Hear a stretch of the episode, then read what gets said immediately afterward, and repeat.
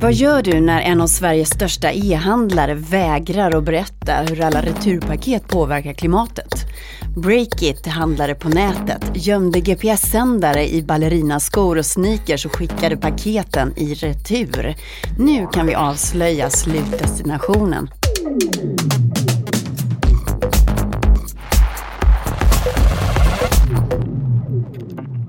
Det här är en extra podd från Breakits redaktion och jag heter Katarina Andersson.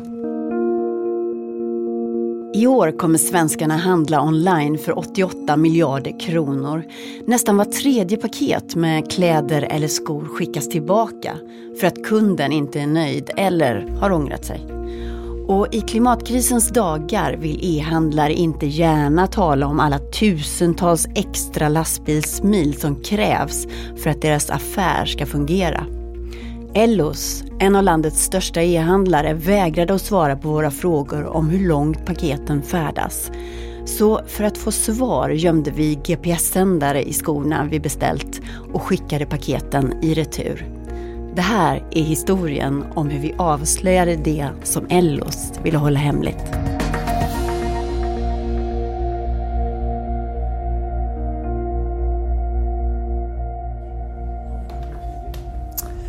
Ja, här är alla paket. Vi tar dem och eh, packar upp dem. Ja, nej, men det här var ju för några veckor sedan jag och min kollega Erik Wisterberg hade beställt en massa kläder från olika e-handlare. Eh, och vi stod här på redaktionen och packade upp alltihopa. Det här är Caroline Englund, reporter på Breakit. Okej, men ska vi ta en sax då? Ja, för att det, för att, ja, ja, men vi rev och slet i paketen och det är ganska svårt att få upp dem där utan att förstöra hela eh, paketet så att säga. Här ser man var kommer. Den här kommer från Borås. Mm.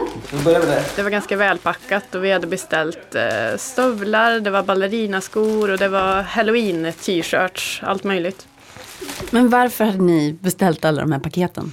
Ja men egentligen hade vi gjort det av en enda orsak och det var att vi ville skicka tillbaka dem. Då är det liksom varför vi lämnar tillbaka varan. Jag har ändrat mig. Jag vill det som stämmer bäst va? Ja precis. Det finns ingen kod för att man gör ett undersökande journalistik. Nej, det, nej. Så du och Erik packar upp klädpaket för att sen bara fylla i returblanketter och skicka tillbaka alltihop. Vad är det för mening med det? Jo men under en ganska lång tid har jag försökt ta reda på var alla returpaket som skickas inom e-handeln tar vägen. För att handla på nätet är väldigt bekvämt. Paketen kommer hem till dig. Man kan prova kläderna hemma. Eh, och många beställer ju mycket kläder, många olika storlekar och provar och sen så skickar man tillbaka det som inte passar. Man kan ju undra vad, vad alla de här returpaketen egentligen kostar för miljön.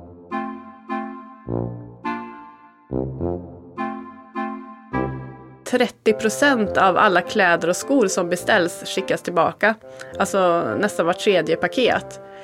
Och då kan man börja fundera på om det här verkligen är, är rimligt.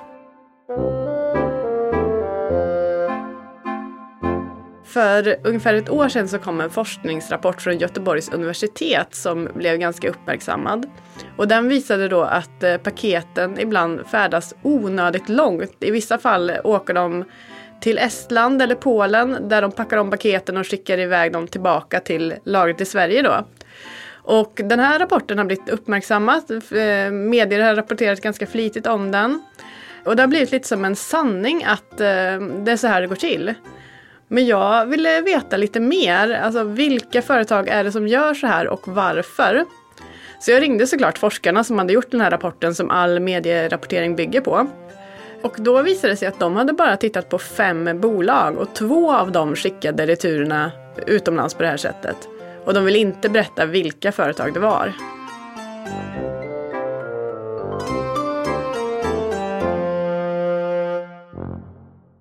Så det här ville du såklart ta reda på. Så hur gjorde du då? Jag tog fram en lista på 32 eh, stora e-handelsbolag och jag utgick från de bolagen som är störst och de som sysslar med kläder och skor eftersom det är där returerna, eh, de, de har allra flest returer. Och jag skickade mejl och ringde och eh, i början fick jag svar jättesnabbt. Alltså, helt plötsligt hade jag fått svar från ungefär hälften av bolagen. Och alla som svarade skrev att de sköter sina returer i Sverige, skickar inte några paket utomlands. Så då tänkte jag så här, jaha okej, eh, det här stämmer ju inte. Alla medier har fel. Som vanligt så är det ju så att eh, det kanske är de, de svaren som inte kommer som är de mest eh, intressanta svaren.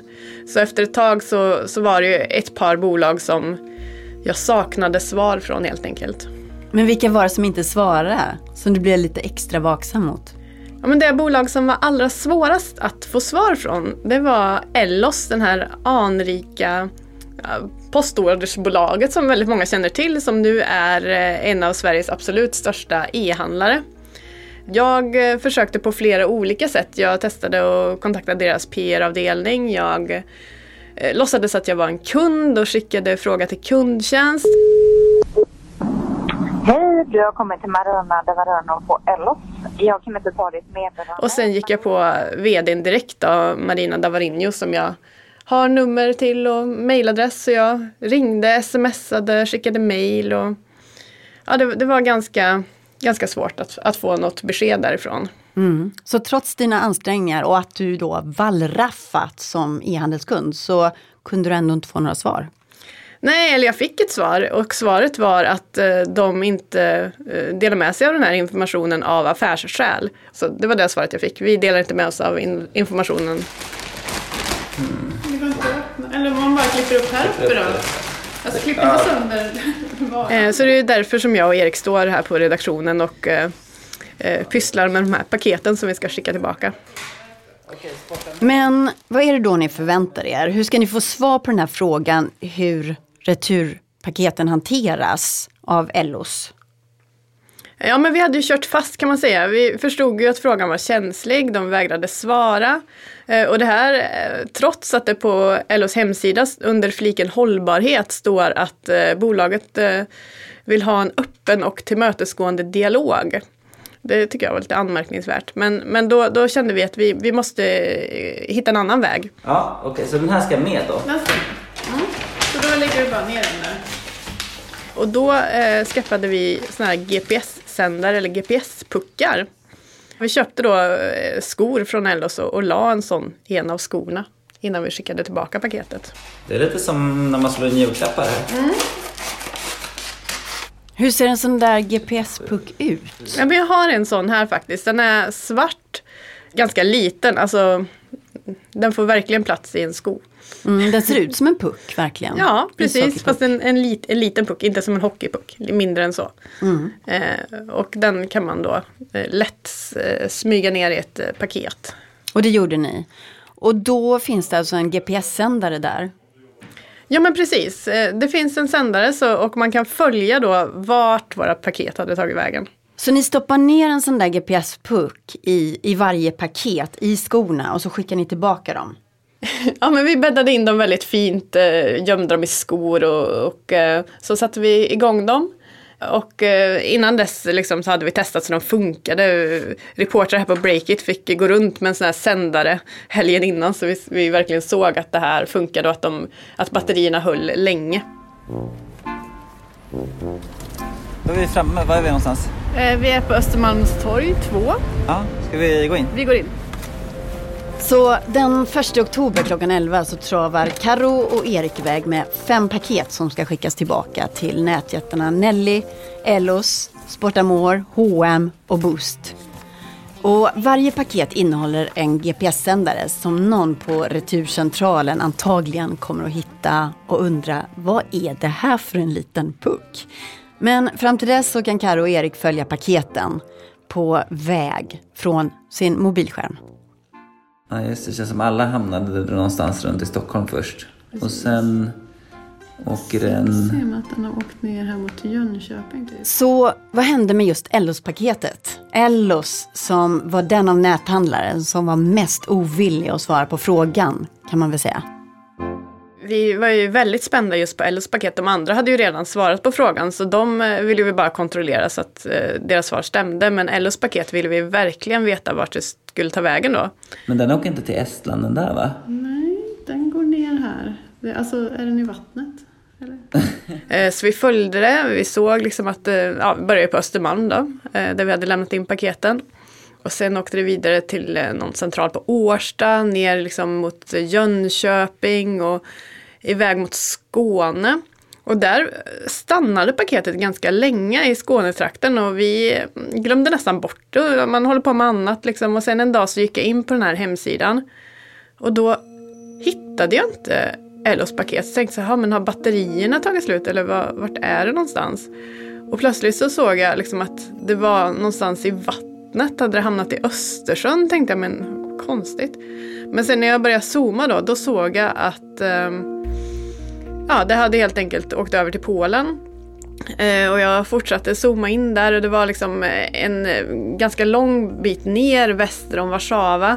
Eh, och till slut så när jag hade liksom zoomat och zoomat så bland en massa åkrar och liksom ute på landsbygden så, så fanns ett eh, litet företag som hette Slam Poland PLSO. Och vi zoomade in där, man kan ju se liksom på Google Maps eh, att det, det var liksom en byggnad och utanför stod några eh, blå containrar. Och det såg lite skräpigt ut och sen var det liksom som en liten bondgård bredvid. Det såg ut som några bodde där och det var verkligen mitt ute liksom, på landet med åkrar omkring.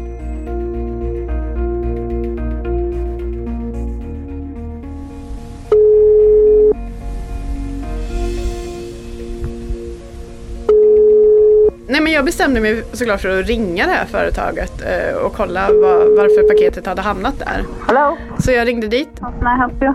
och eh, då så eh, bekräftade de att de packar om returer och skickar tillbaka dem till lagret i Sverige. Och de sa också att de jobbar med Ellos. Vid det här laget så hade ju paketet färdats ganska lång bit, alltså Eh, ja, men över 100 mil. Eh, och sen ska du åka tillbaka då till LOs lager eh, i Sverige. Så när vi liksom hade räknat klart på hur långt eh, paketet skulle åka så blev det 236 mil. 236 mil.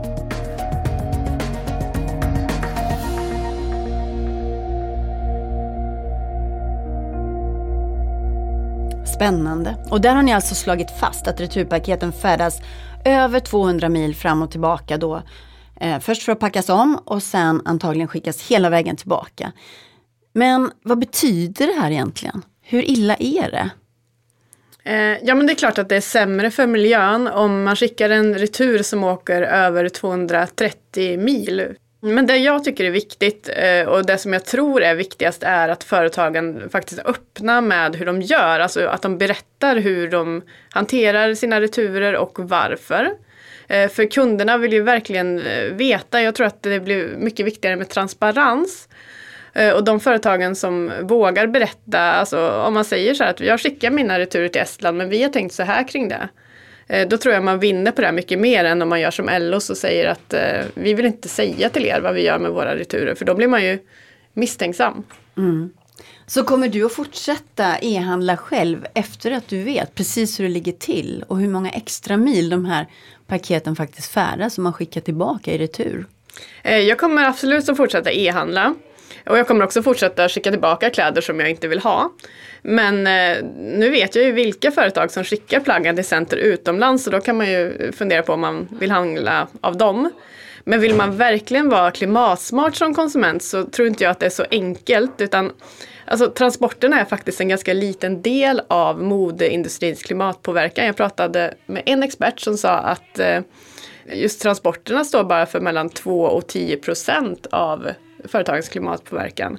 Så vill man verkligen göra skillnad, då kanske man ska fokusera mer på bolag som jobbar med miljövänliga material. Eh, och ännu mer effekt ger det ju såklart om man slutar köpa hem flera storlekar och liksom så man vet att man kommer skicka tillbaka några. Eller om man hamnar begagnat.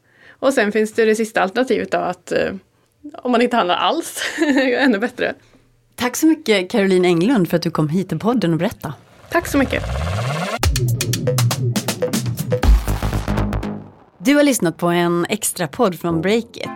Caroline Englund och Erik Wisterberg står bakom granskningen om returpaketens vägar. Ola Aronsson är ansvarig utgivare. Själv heter jag Katarina Andersson. Och som vanligt så är det Fredrik Nilsson som mixar podden. Vill du läsa hela granskningen så gå in på Breakits sajt. Där finns ännu mer. Hej då!